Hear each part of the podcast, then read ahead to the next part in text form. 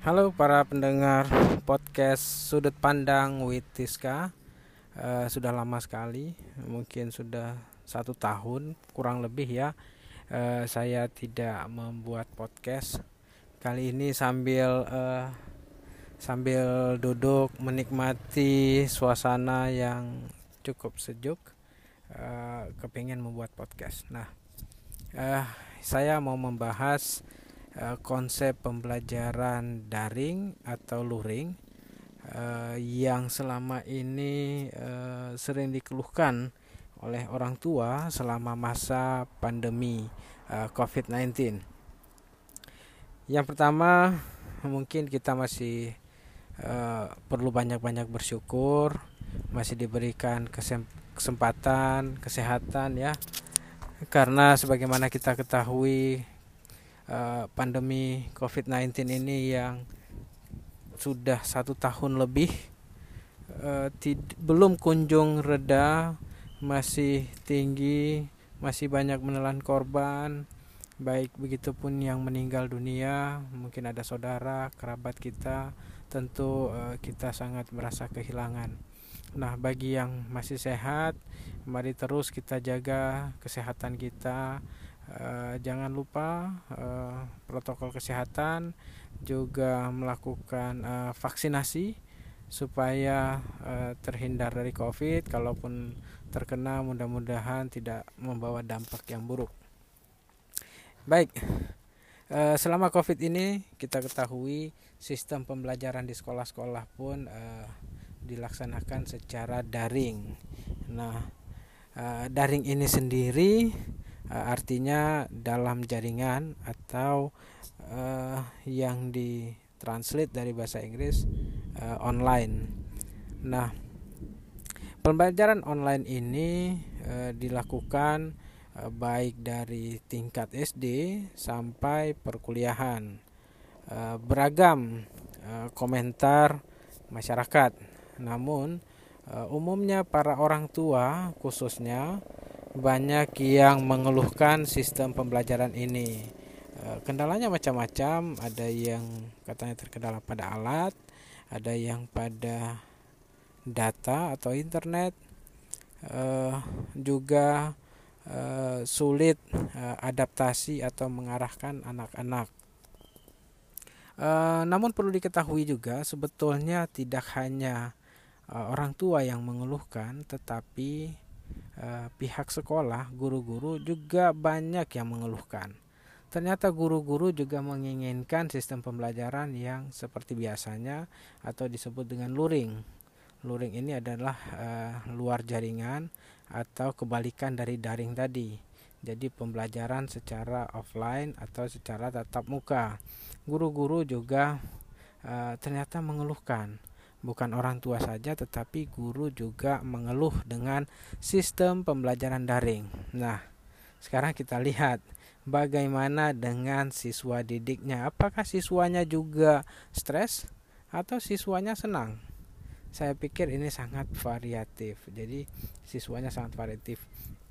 Baik, ada pendapat yang eh, mengatakan yang pertama orang tuanya sulit mengontrol, sulit mengarahkan. Orang tuanya juga uh, sibuk bekerja dan lain-lain sehingga tidak bisa uh, menemani anak-anaknya dalam pembelajaran.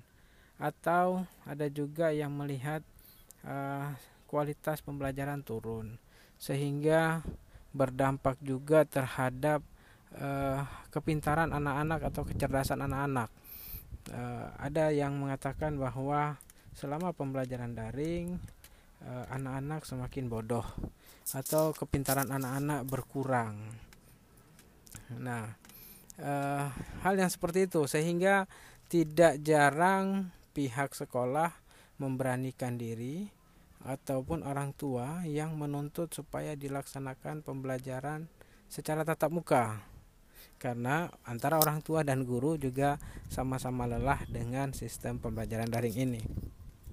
Nah, tentu uh, sudut pandang uh, saya uh, berupaya melihat dari uh, sudut atau perspektif yang berbeda dalam hal ini yang anti mainstream. saya melihat itu sebaliknya. Yang pertama, sistem pembelajaran daring atau online ini tidak bisa lagi dielakkan. Pandemi atau COVID-19 hanya mempercepat dan membuat kita belajar secara serentak menggunakan teknologi. Sehingga banyak yang terkejut. Siap nggak siap mau nggak mau inilah yang harus uh, diterapkan. Tetapi teknologi ini sendiri sudah lama ada. Istilah e-learning sendiri itu sudah lama. Aplikasi-aplikasi e-learning juga sudah banyak. Tetapi uh, belum banyak khususnya sekolah-sekolah milik pemerintah menerapkan ini dengan benar-benar atau sungguh-sungguh. Ada yang sudah mulai uh, uh, apa menjajaki begitu ya. Ada yang sudah ikut-ikut pelatihannya, ada yang sudah mencanangkan, tetapi uh, pengoperasiannya belum 100%. Artinya pembelajaran daring ini sebetulnya sudah tuntutan zaman jadi sistem pembelajaran modern sudah berbasis digital, juga e, pembelajarannya secara online.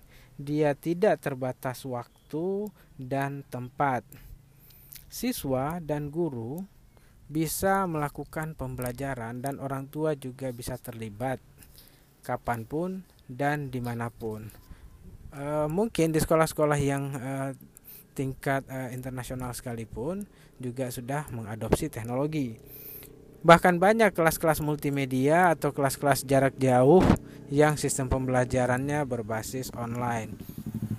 Jadi, singkatnya daripada uh, kita semua memperdebatkan atau berkeluh kesah terhadap sistem yang ada, lebih baik sama-sama kita menata diri, mempersiapkan, mengupayakan saling uh, membantu dan uh, kita berusaha dan beradaptasi dengan sistem yang ada untuk menciptakan sistem pembelajaran online atau daring yang lebih bermutu, yang lebih berkualitas. Nah, tentu berbeda, uh, tetapi kita atau saya sendiri tidak sependapat jika dibilang uh, bahwa sistem pembelajaran online itu tidak optimal, kurang baik, atau kalah dengan sistem pembelajaran konvensional. Saya tidak sependapat. Kedua metode ini punya kelebihan dan juga punya kekurangan. Nah, maka eh, idealnya kedua sistem ini adalah eh, dikombinasikan. Jadi dikombinasikan itu idealnya uh, pembelajaran dewasa ini jika tidak uh, menggunakan teknologi juga tidak online, dia juga akan ketinggalan. Sistem pembelajaran online akan sangat mendukung pembelajaran konvensional atau yang tatap muka. Begitu juga sebaliknya. Jika sistem pembelajaran online dipadukan juga dengan tatap muka, maka akan e, sangat optimal. Nah, tetapi kondisi yang saat ini menuntut kita hanya boleh satu sistem, yaitu daring atau online.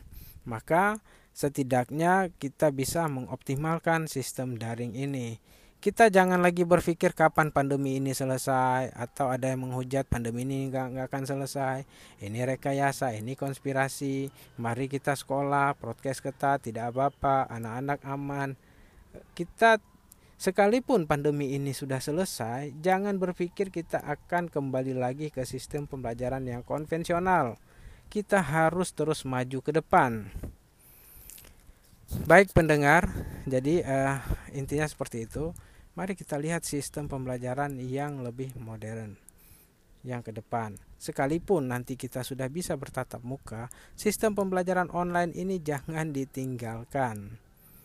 Kita bisa lihat Eh, pandemi ini uh, telah menginspirasi banyak orang, banyak anak-anak muda yang terlibat uh, di dalam pembangunan aplikasi-aplikasi atau sistem-sistem belajar yang online. Sebelum bahkan sebelum pandemi kita sudah mengenal ruang guru ruangguru.com uh, atau apa saya lupa kira-kira seperti itu ada aplikasi ruangguru.com kalau nggak salah. Itu juga sistem pembelajaran online yang sudah sudah running dan sudah cukup baik bahkan berbayar sudah komersil sudah profesional. Banyak guru-guru uh, uh, yang bertalenta yang uh, memproduksi konten-konten edukasi dan ada siswa-siswa member yang berlangganan. Lalu kemudian dengan pandemi ini membuat uh, aplikasi tersebut semakin berkembang, semakin digemari. Selain itu juga ada aplikasi uh, namanya Zenius misalnya, juga didevelop dan berkembang di masa pandemi ini. Bisa diandalkan sistem-sistem tersebut. Kenapa? Karena kita bisa belajar di mana saja, kapan pun. Bahkan sambil tidur-tiduran atau sambil santai, sambil bermain, sambil selingan, kita bisa belajar dengan itu semua. Jadi kalau biasanya kita hanya belajar di sekolah pagi hari atau siang hari atau jam-jam tertentu, kali ini kita bisa belajar 24 jam kapan pun. nah, jadi belajar itu tidak lagi terikat dengan tempat, harus di sekolah. Tidak terikat lagi dengan waktu, hanya pagi hari, tidak. Inilah sistem pembelajaran online. Pendengar sekalian, para orang tua juga siswa, kita sekarang sudah sampai di era digital. Inilah era digital. Jangan mengeluh, tetapi kita harus jadi pemenang di uh, uh, era ini. Uh, ada aplikasi lain, misal bahkan sangat banyak, misalnya dalam masa-masa seperti ini, saya sendiri uh, meredefinisi apa arti pintar apa arti cerdas? Kalau sebelumnya pandangan-pandangan konvensional bahwa anak yang pintar itu adalah anak yang mendapatkan ranking. Anak mendapatkan ranking dari SD, SMP, SMA, diberikan di sekolah-sekolah yang terbaik. Dia mengetahui pelajaran pelajaran-pelajaran eksak dengan baik misalnya dengan nilai-nilai yang tinggi kemudian uh, diberikan dia di sekolah-sekolah terbaik. Dia dipersiapkan on, dari SD-nya di prepare untuk masuk SMP terbaik di prepare lagi untuk masuk madrasah atau SMA bahkan sampai ke jenjang kuliah. Juga bersaing uh, di level yang tinggi misalnya. Namun apakah kita kita sekarang bisa melihatlah faktanya lalu kemudian lulus dari kampus-kampus uh, ternama tersebut yang sudah berjuang uh, berpuluh tahun atau belasan tahun dari dia belajar dari SD sampai selesai kuliah lalu berakhir di mana Bapak Ibu sekalian? Teman-teman bisa bayangkan berakhir di mana? Syukur-syukur menjadi karyawan swasta. Yang sedihnya berjuang satu banding 10 satu banding 50 atau bahkan mungkin satu banding 100 dari antrian CPNS hanya bersaing di situ. Maka itu teman-teman sekalian eh, saya meredefinisi apa arti pintar itu. Ternyata itu sangat beragam. Mungkin bapak ibu sekalian para orang tua eh, sudah bisa memikirkan bagaimana eh, masa depan anak-anaknya. Mau jadi apa? Apakah ia akan mengikuti mengikuti uh, seleksi CPNS ataukah dia menjadi karyawan swasta? Karyawan swasta pun di mana? Apalagi kita ketahui lapangan kerja yang sangat sulit saat ini. Sehingga kita sudah bisa memprogram anak-anak kita dari sekarang sistem-sistem pembelajaran, hal-hal yang perlu ditekuni atau kita bisa membentuk keahliannya dari sekarang uh, pengalaman saya sendiri uh, di masa-masa pandemi ini uh, dengan banyaknya waktu bersama keluarga di rumah dengan anak-anak uh, justru saya banyak mendampingi mereka uh, untuk uh, belajar bersama dengan banyaknya aplikasi-aplikasi online uh, yang ada di smartphone baik itu yang free maupun berbayar ada matematikanya, ada bahasanya, bahkan kita bisa belajar multi uh, multi bahasa. Bisa belajar bahasa Inggris, bisa belajar bahasa Jepang misalnya, belajar bahasa Arab, bahasa Jerman, bahasa Prancis unlimited. tinggal kita mau saja bersama-sama dengan mereka mempelajari itu bisa mempelajarinya lewat film, lewat musik, bahkan anak-anak juga uh, ikut berlatih untuk blogging. Mereka belajar menulis, uh, membuat diary, membuat uh, jalur, uh, uh, sorry, membuat alur cerita. Mereka juga bisa belajar speaking. Mereka dibuatin channel podcast. Mereka belajar uh, uh, menjadi videografi mereka belajar jadi uh, youtubers misalnya jadi yang dimaksud cerdas itu sangat luas apalagi di era yang seperti ini. Jangan hanya berpikir ranking jangan hanya berpikir jago matematika misalnya jago pelajaran tema IPA dan lain segalanya tidak. Tetapi lihatlah ujungnya. Kita mengharapkan dia jadi apa. Sehingga kita bisa mengarahkan sejak usia dini. Kita bisa bersama-sama bermain dengannya, melihat passionnya, melihat potensi-potensi yang ada padanya, dan kita arahkan. Bayangkan jika kita arahkan sejak usia dini, kita bisa membentuk skill-skillnya, kepribadiannya, bahkan yang semula di sekolahannya, misalnya uh, diajarkan hanya intelijensi saja, kita juga dengan kita bisa uh, memberikan pendidikan-pendidikan emosional, karena uh, di balik uh, kesuksesan uh, hal yang paling mempengaruhi kesuksesan di uh, emotional cohesion itu lebih berperan daripada uh, IQ-nya. Nah, itu keterampilan-keterampilan yang sebetulnya bisa kita lakukan di rumah. Bisa dapat kita dapatkan sumber-sumber pembelajarannya dari online, dari tuntunan-tuntunan YouTube misalnya. Bahkan bisa dari game. Contoh sederhana, melalui game kita bisa uh, mempunyai jaringan pertemanan secara internasional. Secara konvensional jarang kita misalnya punya jaringan pertemanan misalnya kita berteman dengan orang Inggris kita berteman dengan orang Amerika misalnya berteman dengan misalnya uh, orang Turki orang Singapura Thailand dan lain-lain tetapi di dalam jaringan uh, game online misalnya anak-anak kita bisa berteman dan uh, uh, apa bisa chatting atau ngobrol dengan anak-anak lain di yang berada di negara-negara lain. Itu kan sebuah pendidikan juga. Anak-anak jika sesuatu hal yang dia kemari, maka dia akan mengupayakan itu. Sudah banyak itu contohnya. Jika dia tidak uh, bisa uh, uh, apa berkomunikasi dengan baik menggunakan bahasa Inggris, jika dia butuh, dia akan uh, mentranslate itu terlebih dahulu.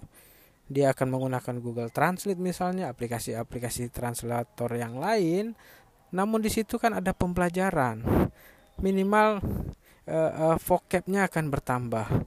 Jadi dia akan bertambah pengetahuan bahasa nah jadi kita jangan terlalu fobia yang penting kita mengontrol kontrol tontonannya harus positif.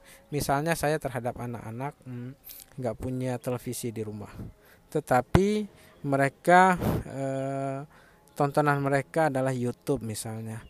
Dari sejak mereka usia dini saya memaksakan mereka boleh nonton YouTube. Tetapi kalau untuk yang berbahasa Indonesia saya sangat memfilter. Hanya uh, yang syarat nilai, syarat pengetahuan atau syarat informasi yang penting banget boleh. Selebihnya kalau hanya untuk hiburan wajib berbahasa Inggris. Tujuannya supaya mereka memaksa dirinya untuk uh, mendengar bahasa asing dan juga bermain game juga begitu. Harus game-game yang internasional supaya mereka juga terbiasa dengan uh, bahasa Inggris. Mereka akan ketemu teman-teman yang menggunakan bahasa Inggris. Jadi teman uh, anak-anak kita uh, chat uh, menggunakan bahasa Inggris itu hal yang sudah biasa.